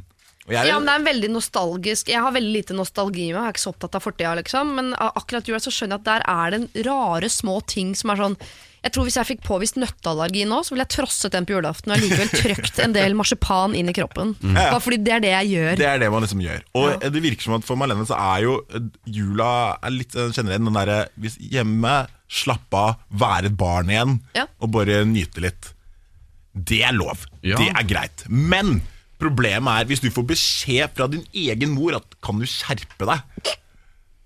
Fordi det er, er en ting mødre tror jeg liker liksom med jula når man kommer hjem igjen, så er det å kunne dulle litt. Men hvis Ja. man, liksom, man er lei av å dulle eh, når du kommer hjem igjen, Mm. da, er du, da må du være ganske jævlig. Ja. Så da tenker jeg det er kanskje no, det ligger noe i det. Og hvis hun selv kjenner på at nå er ikke jeg det yngste barnet lenger, nå er det kanskje på tide at jeg burde gjøre noe, må jeg egentlig det, da? Ja, Kanskje dullebehovet for en 21-åring Det er borte nå, Fordi nå har det kommet en toåring. Så nå er ikke- mor er ikke mor lenger, hun har blitt bestemor. Hun. Ja, ikke sant? Så hun skal dulle med en toåring. Da orker hun ikke at det skal ligge en sånn et to meter lang slamp på sofaen. Som ikke gidder å røre grytene eller gjøre noe som helst. Ikke sant. Men det er jo Marlene sin jul òg. Det er Malene sin jul. Derfor, frem eh, Du våkner opp, du skal få julesokken din, du skal ligge litt på sofaen i pysjen din, men når klokka bikker fire Da er det skjerpings. Det er å hjelpe til og spørre hva kan jeg hjelpe til med, og hva kan jeg ordne. Og for å komme seg ekstra unna det, lek med toåringen hele tiden i pysjen og hold på og lag julestemning. For da gjør du da, Hei, jeg tar vare på barnet, mens dere kan ordne. Barna du- leker. Barna leker. Slapp av. Jeg tar den rollen, Ja. og så kan alle sammen ordne og stressefritt og ha det hyggelig. Men det er lurt at barna leker, eh, at hun tar den, og at hun, som jeg hører deg sier, foreslår for mor. Er det noe jeg kan hjelpe til med? Så jeg tror hun tillater ganske mange timer med pysj eh, og en del TV-titting, hvis du ganske tidlig der er på med noe sånn Skal jeg dekke på Eller er det noe jeg kan gjøre? Skal jeg hente inn noe ved, eller bære, bære fugleband, eller et eller annet? Pyntetre. Hva kan jeg gjøre, mamma? Da blir hun så perpleks over at Nei, Malene, så voksen du har blitt! Og så er det bare å trekke over på sofaen, og så lever mor godt med det, liksom. Ja, et fint kompromiss. Marlene, du må dekke på, akkurat som du alltid gjør, bare at i år skal mor slippe å mase. Eh, Det gir deg noen ekstra timer i pysj, og samtidig får du lov til å være det barnet som du er fram til du får barn. Fordi barna skal leke, dvs. Si at eh, tanta i deg hun må våkne i morgen da du skal leke med din to år gamle niese. Siri og de gode hjelperne. Dere, Vi skal ta et problem eh, til før dere skal få lov til etter hvert å begynne å pakke eh, nevekonten og trekke hjem til jul. Eh, og det er det Stian som sender inn. Jeg har en venn som drømmer om å bli skuespiller. Han er ivrig, stå på, og det skal han ha. Av og til får han små roller i diverse revy, teater osv. her hvor vi bor, og i tillegg så får han av og til TV- og filmoppdrag, men aldri med replikker, hvis dere skjønner hva jeg mener. Han spør alltid oss rundt han om vi har sett, og jeg svarer alltid nei. Dessverre. For jeg har uh, unngått aktivt å se ting han er med på. For jeg vet ikke om jeg klarer å se han i øynene og si 'jeg syns du er kjempeflink', jeg. Da er det mye lettere å ikke ha sett tingene han har gjort. For det aner meg at det ikke er så bra. Jeg har jo sett teater og revy i lokalmiljø og tenker mitt om det. I tillegg så må det jo være en grunn til at han ikke får roller med replikker, har jeg tenkt. Men jeg føler meg som en dust. Så hvordan er jeg beste venn? Ved å fortsette å ikke se det han gjør og kunne være ærlig? Eller skal jeg begynne å se det og da eventuelt ljuge? Eller skal jeg se det og være ærlig uansett om han er flink eller ikke? spør da Stian. Uff. Ja. For dette er mitt triks. Jeg pleier ikke å se så mye av det vennene mine gjør. For jeg er så redd for at det skal være dårlig. Jeg orker ikke å se det i øynene og måtte si det, liksom. Det er mye lettere å si sånn sorry, det har jeg ikke sett. Det er veldig feigt. Det er sjukt å ikke Og det er i hvert fall ærlig. Jeg har ikke sett det. Hva med deg, da? Hvis folk liksom gjør det mot deg tilbake? Blir det Spør jo ikke folk om de har sett. Nei, Eller men hørt? hvis du lurer Hvis du hadde, lurt deg Hvis eh, du spør Else sånn, du, Ja. hva syns du om den forrige sending, og så Det ville aldri gjort. Nei, ikke, nei, greit, nei, greit. Men da, da går det ikke an å bruke deg som eksempel. Jeg bare synes det, jeg synes det, Hvis du kaller deg selv bestevenn, Ja. og så spør en, øh, en kompis om du har sett noe, og hva syns du, Ja. og så hver gang svarer du nei, jeg har ikke giddet å sjekke det ut, Mhm. så er det jo Det er jo litt asshole gjort, da. Ja, det er litt asshole, det. Ja. Ja. Jeg hadde blitt øh, lei meg hvis øh, jeg hadde spurt noen om å sjekke noe ut, og så hadde ikke. Men er det noen som har vært og sett Book of Mormon for eksempel, og sagt sånn Ja, jeg har sett den. Jeg syns det var eh, dritdårlig det her teaterstykket. Spesielt det det var det du drev med på der. da. Valsa rundt naken, hva er det du driver med? Nei, nei, nei men, jeg, men, øh, men jeg har fått eh, konstruktiv kritikk. Ja, jeg, jeg liker har- ikke det heller, jeg. Nei, det syns jeg er fint. Det er Ja. bra. Eh, Da blir man bedre. Ja, okay. Så, eh, så jeg har hatt kompiser som var sånn Ja, hva, sånn, hva syns du? Og så var de sånn Jeg syns det var gøy, og det var sånn, men jeg syns ikke liksom du var så, var så bra. Eh, I i både måten Jeg syns du kunne gjort det bedre på den den måten. Og da ble jeg sånn Ok, første reaksjon er Fuck deg! Ja. Hvem faen er du? Hva er det du driver med, liksom? Uh, jævla jobben din? Ha! Ja, Og Man må gjennom det. Og så skjønner man sånn Nei, men så hyggelig at en person faktisk bryr seg og vil at man skal gjøre det bedre. Så ehm, nei, uh, si ifra og se på ting. Og den derre struggling actor-lifestylen han andre kompisen her, Åh, det er det er helt forferdelig. Ja. Så da trenger man støtte, altså. Da trenger man masse støtte. Ja, men trenger man motstand? Og det er jo det Stian er redd for at han kanskje må gi, da. Hvis det, er, eh, hvis det ikke er bra. Ja, jeg, jeg, jeg tenker at eh, som bestevenn så burde du være ærlig, og du burde følge med på hva bestevennen din driver med. Ja. Og at eh, ehm, Men hva, hva vet han? Han er redd for at det ikke skal være fint, men han har ikke sett på det. Han har ikke, han har ikke han har liksom Han, bare, han eh, baserer det på gamle liksom, eh, opplevelser fra teater og revy i lokalmiljøet. Ja, men liksom hva, hva Han sier at han ikke har fått noen rolle med noen spesielle replikker på. Alt han vet, er at han, bestevennen hans skal være på skjermen i ett sekund. Det er jo ikke noe hva slags dårlige ting er det du kan finne ut av det, liksom? Så du kan jo bare Du kan jo bare Du kan jo bare synes han, Jeg syns han burde begynne å se på det. Ja. Også hvis det er dårlig, da kanskje, kanskje, kanskje han, han kan si det, men hva, hva vet han? Er han noe spesiell dramaturg, eller er han noe spesiell filminteressert selv? Så kanskje han ikke har noe peil, peil på hva man derre eh, bestevennen hans holder på med. Eller så kan han se på det, synes det er skikkelig dårlig, men lyve og si at jeg synes det var skikkelig fint og interessant. Eller kan man, man trenger ikke å ljuge, man kan si det var, Herregud, det var gøy å se det på TV, jeg gleder meg til du får en rolle med replikker. Riktig. Aktig. Da støtter du, ikke sant? Ja. Uten å gi noe på hva, man, eh, hva selve greia er. Eller sånn Oi, jeg, jeg skjønner jo ingenting av film, men det var kult å se på deg på Ja. skjermen, liksom. Jeg liker den. jeg liker den Fortsett med det. Jeg, hva- bare, hva syns du om den greia? Nei, jeg vet helt ærlig, så jeg syns det er så interessant. Men jeg syns det er dritfett med deg. Ja, Det var gøy å se på deg. Jeg kan ikke så mye om dette. her Hva Får du noen tilbakemeldinger, eller hva sier, hva sier folk i bransjen, liksom? Lat som at du er dum, for det, der syns alle synd på deg, og alle Så gir liker man deg. liksom feedback på en Kiwi-reklame som man har vært på spillet. Bare, jeg skjønner ikke så mye av det sånn kjapptrykte billige greiene, men jeg bare Men når du var i den grønne Kiwi-suiten der, Faen, du kler grønt. det var kult, ass! Det var Ja. grønt, ass! Ja. Ja, High five, bro! Stian, dette kommer du deg unna. Du trenger jo ikke å evaluere kompisen din som om han er opp til eksamen. Det er ikke din jobb, det er det andre folk som driver med. Du skal støtte vennen din, vil si at du skal følge med på det vennen din gjør, og de tingene han drømmer om. Så neste gang han har en rolle et eller annet sted, så skal du se det, og så skal du finne et eller annet der er bra. Om det så er at han kler den grønne Kiwi-drakta i den reklamen, eller at du syns han eh, kledde bakgrunnen i den Hotell Cæsar-scenen, hva enn det måtte være. Eh, og så stiller du masse spørsmål, er nysgjerrig og ønsker han lykke til. Håper du ser han i noe større og noe kulere og sånn neste gang. Det får du til. Det er ikke å ljuge, Stian. Det er bare en øh, fin innpakking rundt en gave vi ikke vet hva er. Ikke sant? Riktig. Ja. Lykke til, Stian, eh, med det. Det er jeg helt sikker på at du får til. Siri og de gode hjelperne. Som eh, nå skal altså gjøre det vi alltid gjør på eh, slutten av programmet. Være så rause og nisseaktige som vi bare kan være ved å dele ut noen handlenett. Eh, først ut er det min tur til å dele ut handlenett til dere som har åpnet opp livene deres og sluppet oss inn for å hjelpe til. Det vil si at eh, du, Pål, som er usikker på hvordan du skal håndtere det at en kompis kommer hjem i romjula, vil feire nyttårsaften, men han har bedt dere om å egentlig eh, ikke røre alkohol, da han selv kommer rett ut av rehab. Du skal få et uh, handlenett. Eh, Så sender vi et til deg, Jørgen, som studerer for å bli prest, og i tillegg driver du med strikking. Du sliter med å finne særligheten. Det er vi helt sikre på at du gjør. Du må lete litt bedre enn andre folk, for det er ikke tusenvis av damer som er fysende på den pakka der, men hun som er fysende på den pakka, hun vil ha bare den og ingen andre pakker, og det er deg. Så kommer jeg til å sende et handlenett til eh, du som har en eh, kjæreste som ikke bare røyker hasj, men som også har begynt å selge. Du har en jobb å gjøre. Her må sette hardt mot hardt. Enten eh, forlate, eller altså røske han opp med rota, få han ut i verden til å se hva det er han egentlig driver med.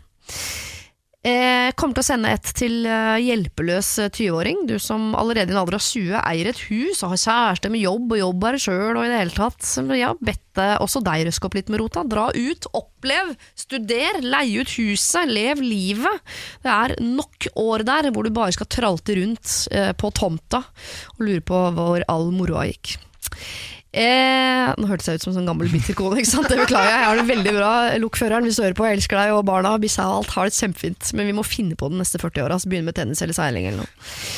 Eh, jeg kommer også til å sende et handlenett til Malene Marlene eh, pga. hennes juleproblem. Hun har blitt eh, tante og lurer på om hun må oppføre seg mer voksent denne jula, nå som det er yngre barn enn henne i huset. Eh, barna må leke sammen. Barna må leke sammen. Stian, du skal også uh, få. Uh, du har en kompis som drømmer om å bli skuespiller, og i frykt for å måtte skuffe han, så tør du ikke å se uh, ting han er med på, tilfelle det er dårlig. Den risikoen må du ta hvis du kaller deg selv en bestevenn.